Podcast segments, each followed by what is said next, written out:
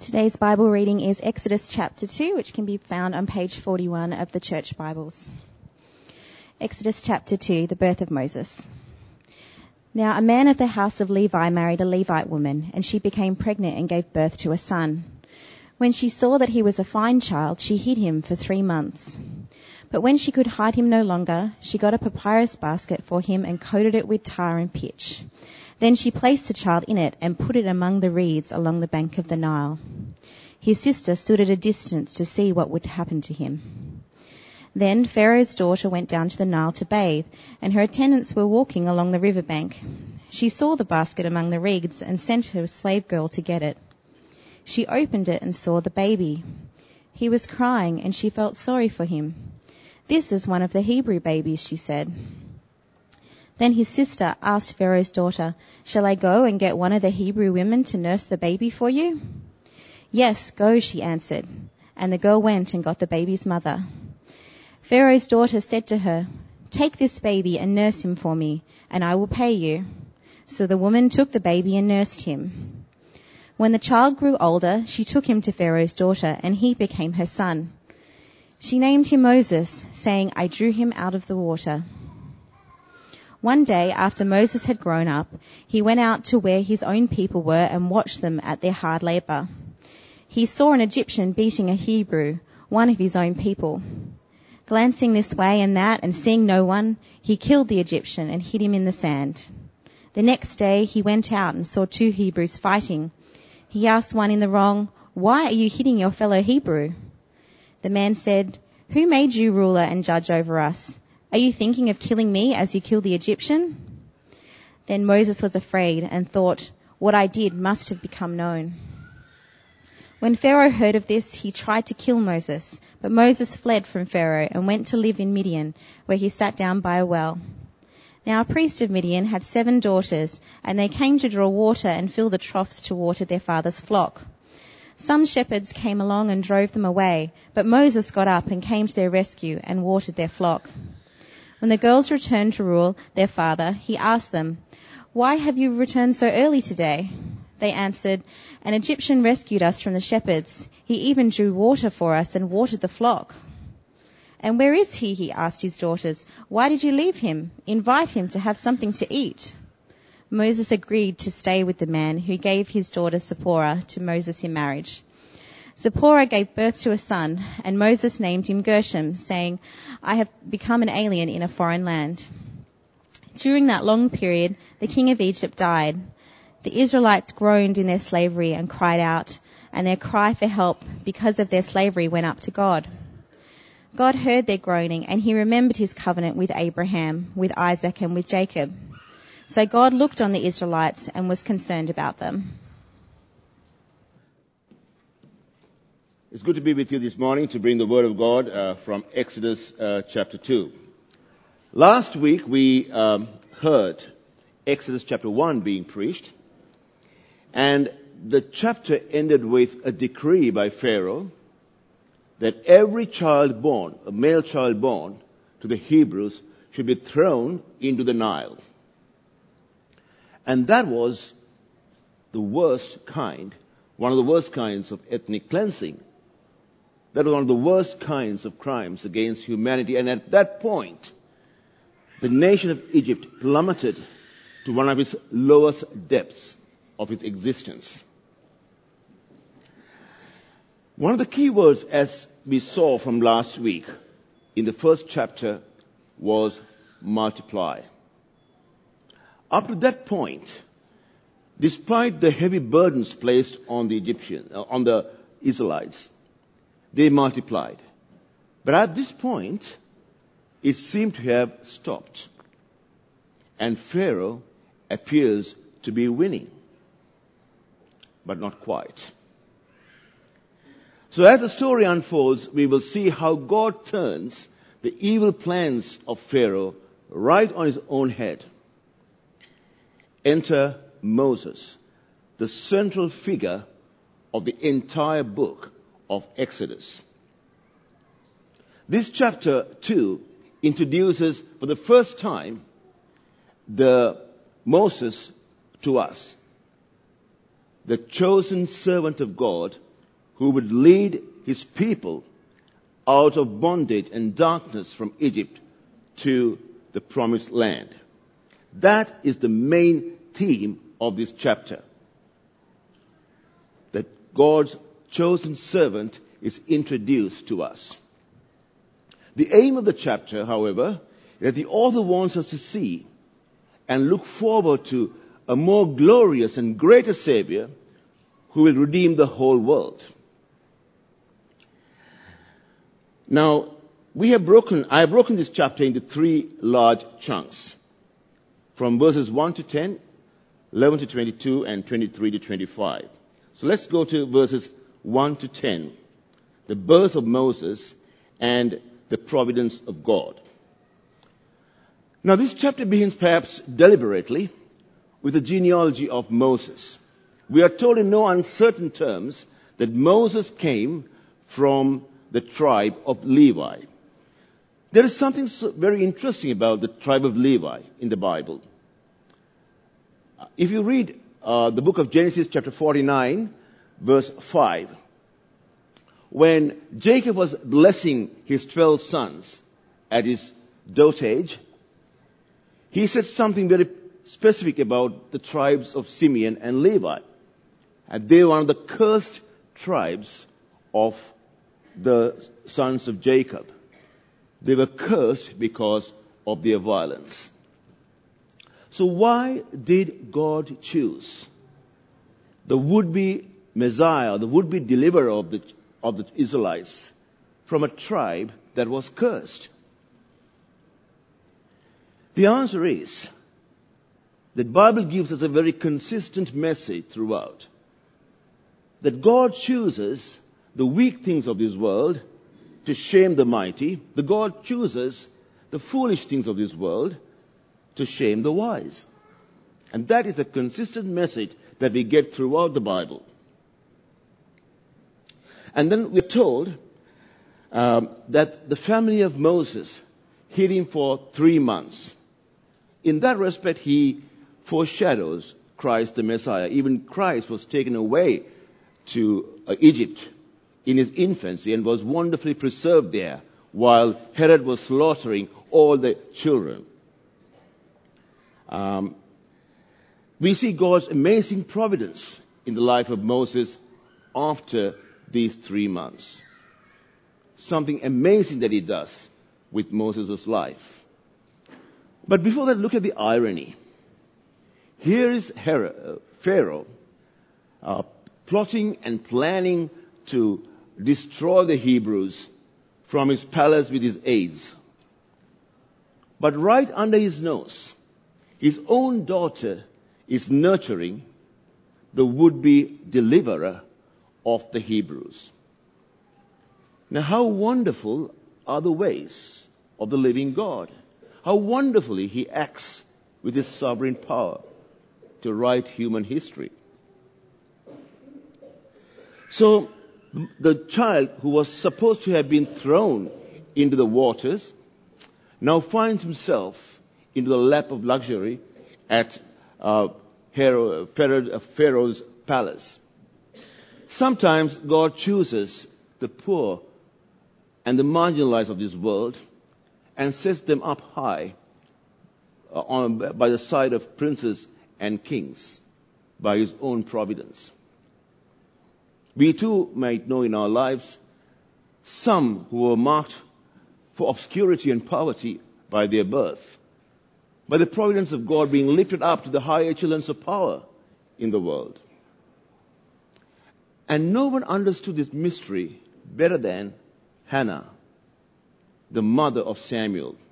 When God opened her uh, womb and gave her a son, this is how she prayed in 1 Samuel chapter 2, verses 8 onwards. He says, He raises the poor from the dust. He lifts the needy from the ash heap and makes them sit with princes and inherit a seat of honor. For the pillars of the, of the death are the Lord's, of the earth are the Lord's, and on them he has set the world. The last two sentences will tell you why God does that. Because he is sovereign God. He is the sovereign God who or has ordained the world, and He determines the destiny of mankind. And that is why He does something like this for us to show that it is He who determines the affairs of men. It's also interesting how Pharaoh's daughter named this little boy. She named him Moses. And the Bible tells us, by the grace of God, why she did that. She named him Moses because he was drawn out from the water and rescued. And it foreshadows that this chosen servant of God later on will draw out the people of Israel from Egypt through the waters. And all the men of, of uh, Pharaoh who threw the little children into the waters will perish in the waters. This chapter has a lot, lot to do, this book of Exodus has a lot to do with water. And the second thing that we note about this name is that it, the deliverer of the children of Hebrew carries a Gentile name. Now in God's plan of salvation, the Gentiles have been always a part of His plan, right from the beginning, even before the foundation of the world. Now let's move on to the next section of our passage from verses 11 to 22. His adulthood and his exile in Midian. Now the young Moses was walking along one day and he saw an Egyptian being, uh, a, uh, uh, uh, a, Hebrew being abused by an Egyptian and he killed the Egyptian. And the following day when he was walking, he saw two Hebrews fighting among themselves. He went to intervene, but he was rejected. And when he found that he was rejected by his own people and that the murder that he committed the previous day was going to be known, Moses fled from Egypt to Midian. Now, the first thing that we notice here is that um, Moses wanted to deliver his people through his own strength and through his own way. Now, God didn't call this well educated, exuberant, adopted prince to deliver, to do the job of deliverance his own way, lest that people will say it was Moses who delivered them from Egypt, not God. In that respect, Moses' mission was a failure, and he had to abandon his project.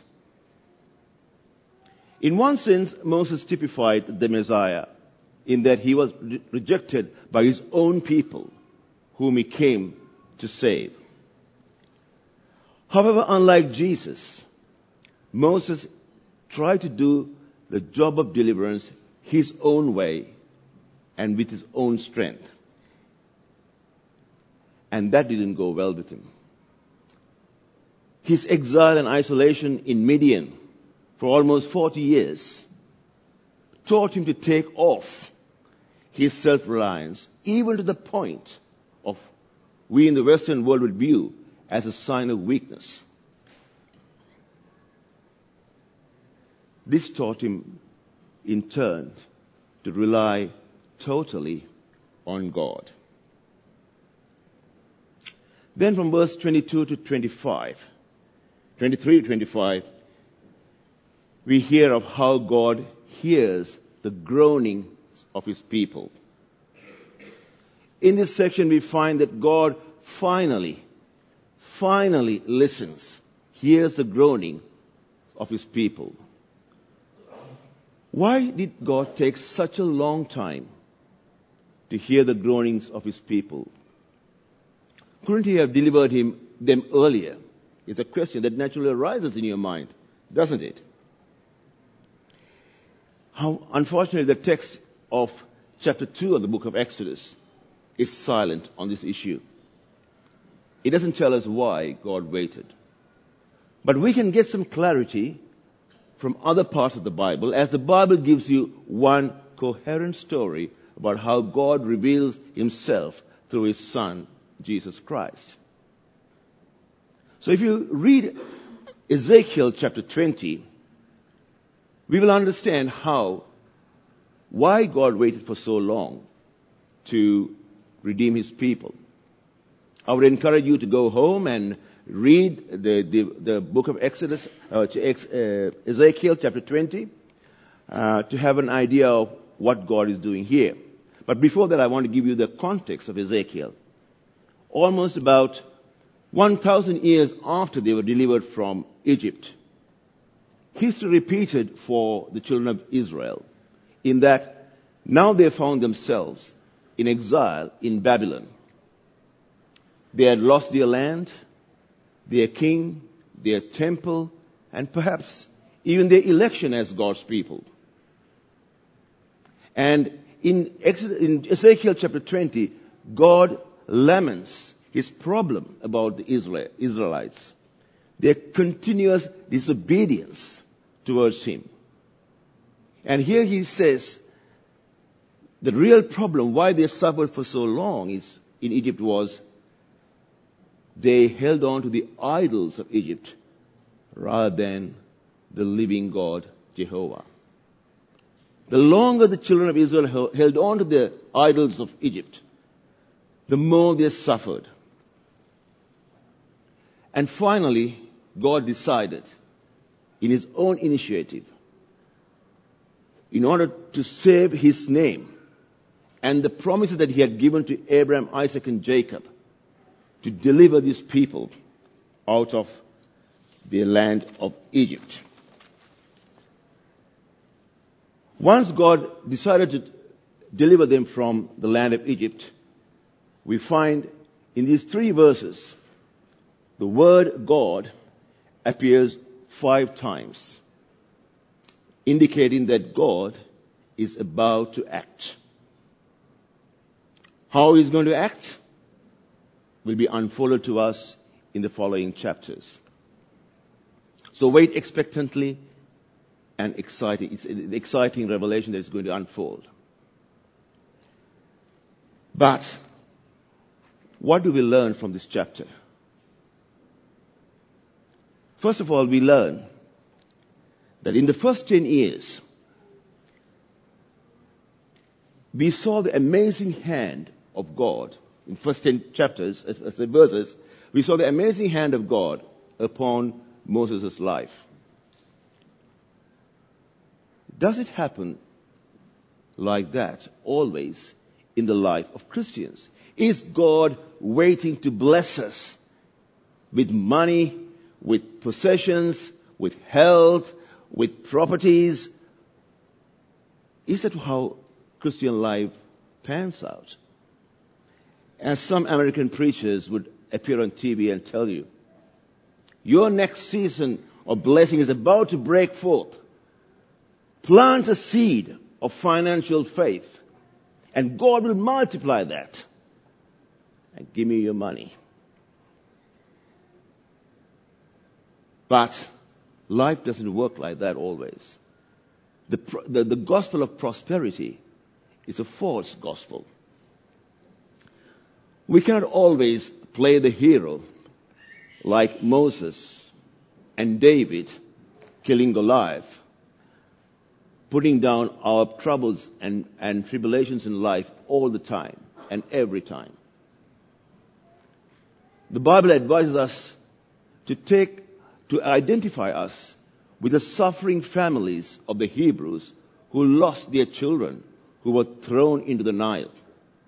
The Bible adv- uh, advises us to identify ourselves with the helpless soldiers of Israel who were fearful and hoping that someone would come and deliver them from the hand of Goliath. Jesus suffered and then he was glorified. That is the model for us too. If we are to be glorified, there is trouble for us in this life. If Jesus has promised us one thing, He has promised us this. In this world, you will have trouble. But be of good cheer. I have overcome the world. So in our Christian walk too, we will have troubles. There'll be sickness. There'll be death in our families. There'll be unemployment. There'll be financial difficulties.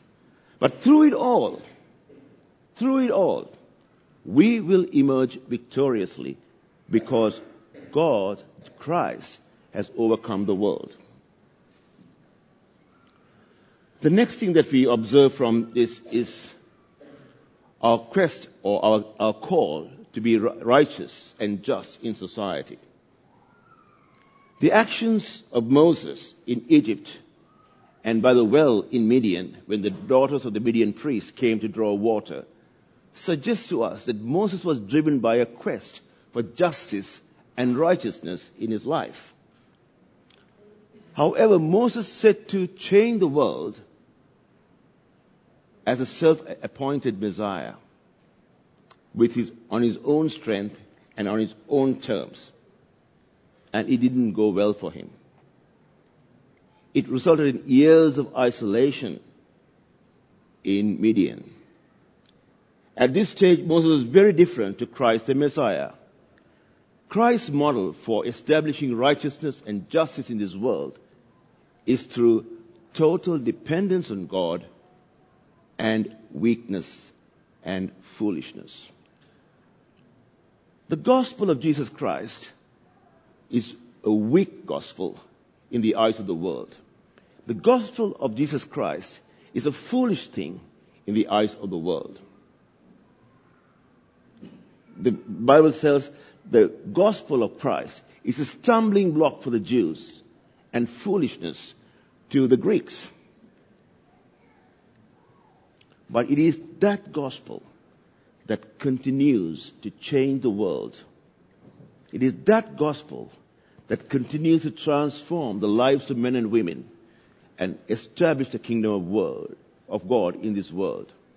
The risen Christ and ascended Christ directs his operations in this world through the gospel and through his spirit and through us.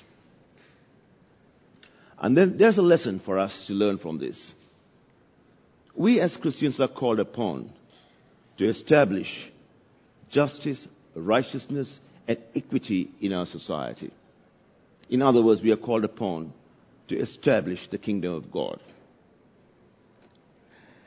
The way we do that is not by relying on our own strength, but in total obedience to God, in total dependence to God, and by the power of the Spirit, and by much prayer. That is how we change the world. That is how we establish justice and equity in this world.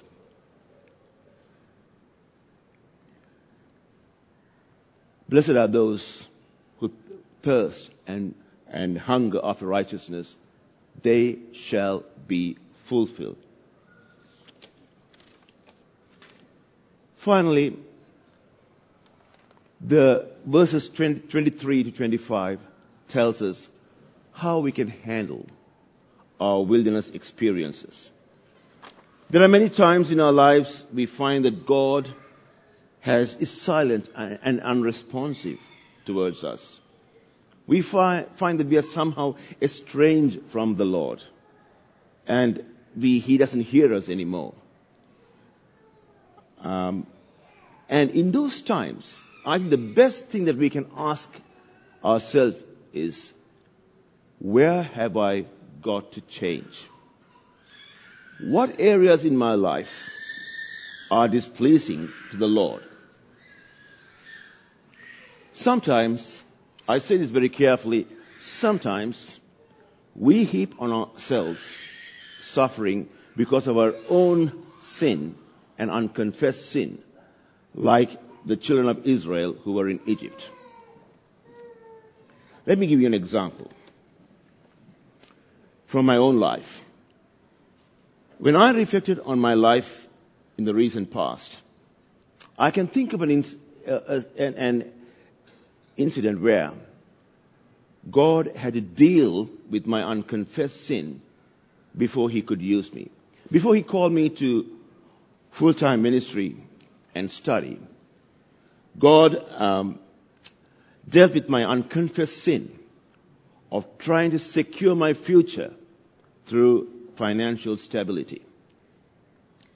And I think it took more than 15 months of unemployment and a desperate search in the corporate world for a position, for a job to secure my finances before I realized that what God was really asking me was surrender to me, depend totally on me. And that's what I did before I decided to step in to full-time ministry. Okay.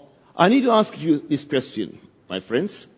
Um, there have been, there was, it, it is four years since, yeah, since I got my last pay packet into my bank account.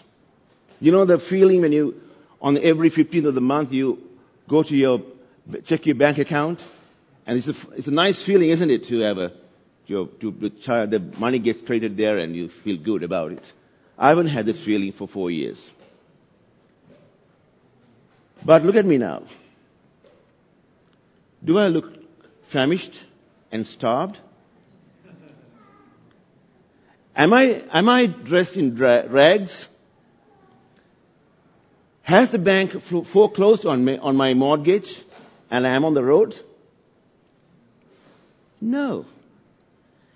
You see, if God can feed the birds of the air and can clothe the lilies of the field, how much more will He clothe you and me if we decide to live in total obedience to Him? Doesn't matter whether you have a job or not. Doesn't matter whether you have money or not.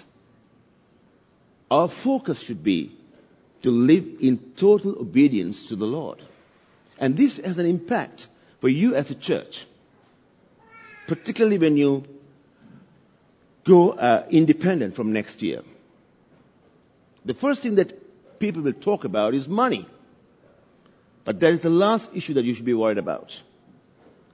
What you should be worried about is your total obedience to God, total dependence on God, total commitment to the gospel of God, and total commitment to proclaim the gospel in the suburb that God has planted you in. Seek ye first the kingdom of God and his righteousness, and all these things will be added unto you. Don't let anyone discourage you about money. So we can avoid so many um, suffering in our lives um, quite early uh, if we are spiritually sensitive to identify whether they are as a result of our own unconfessed sin and unbelief.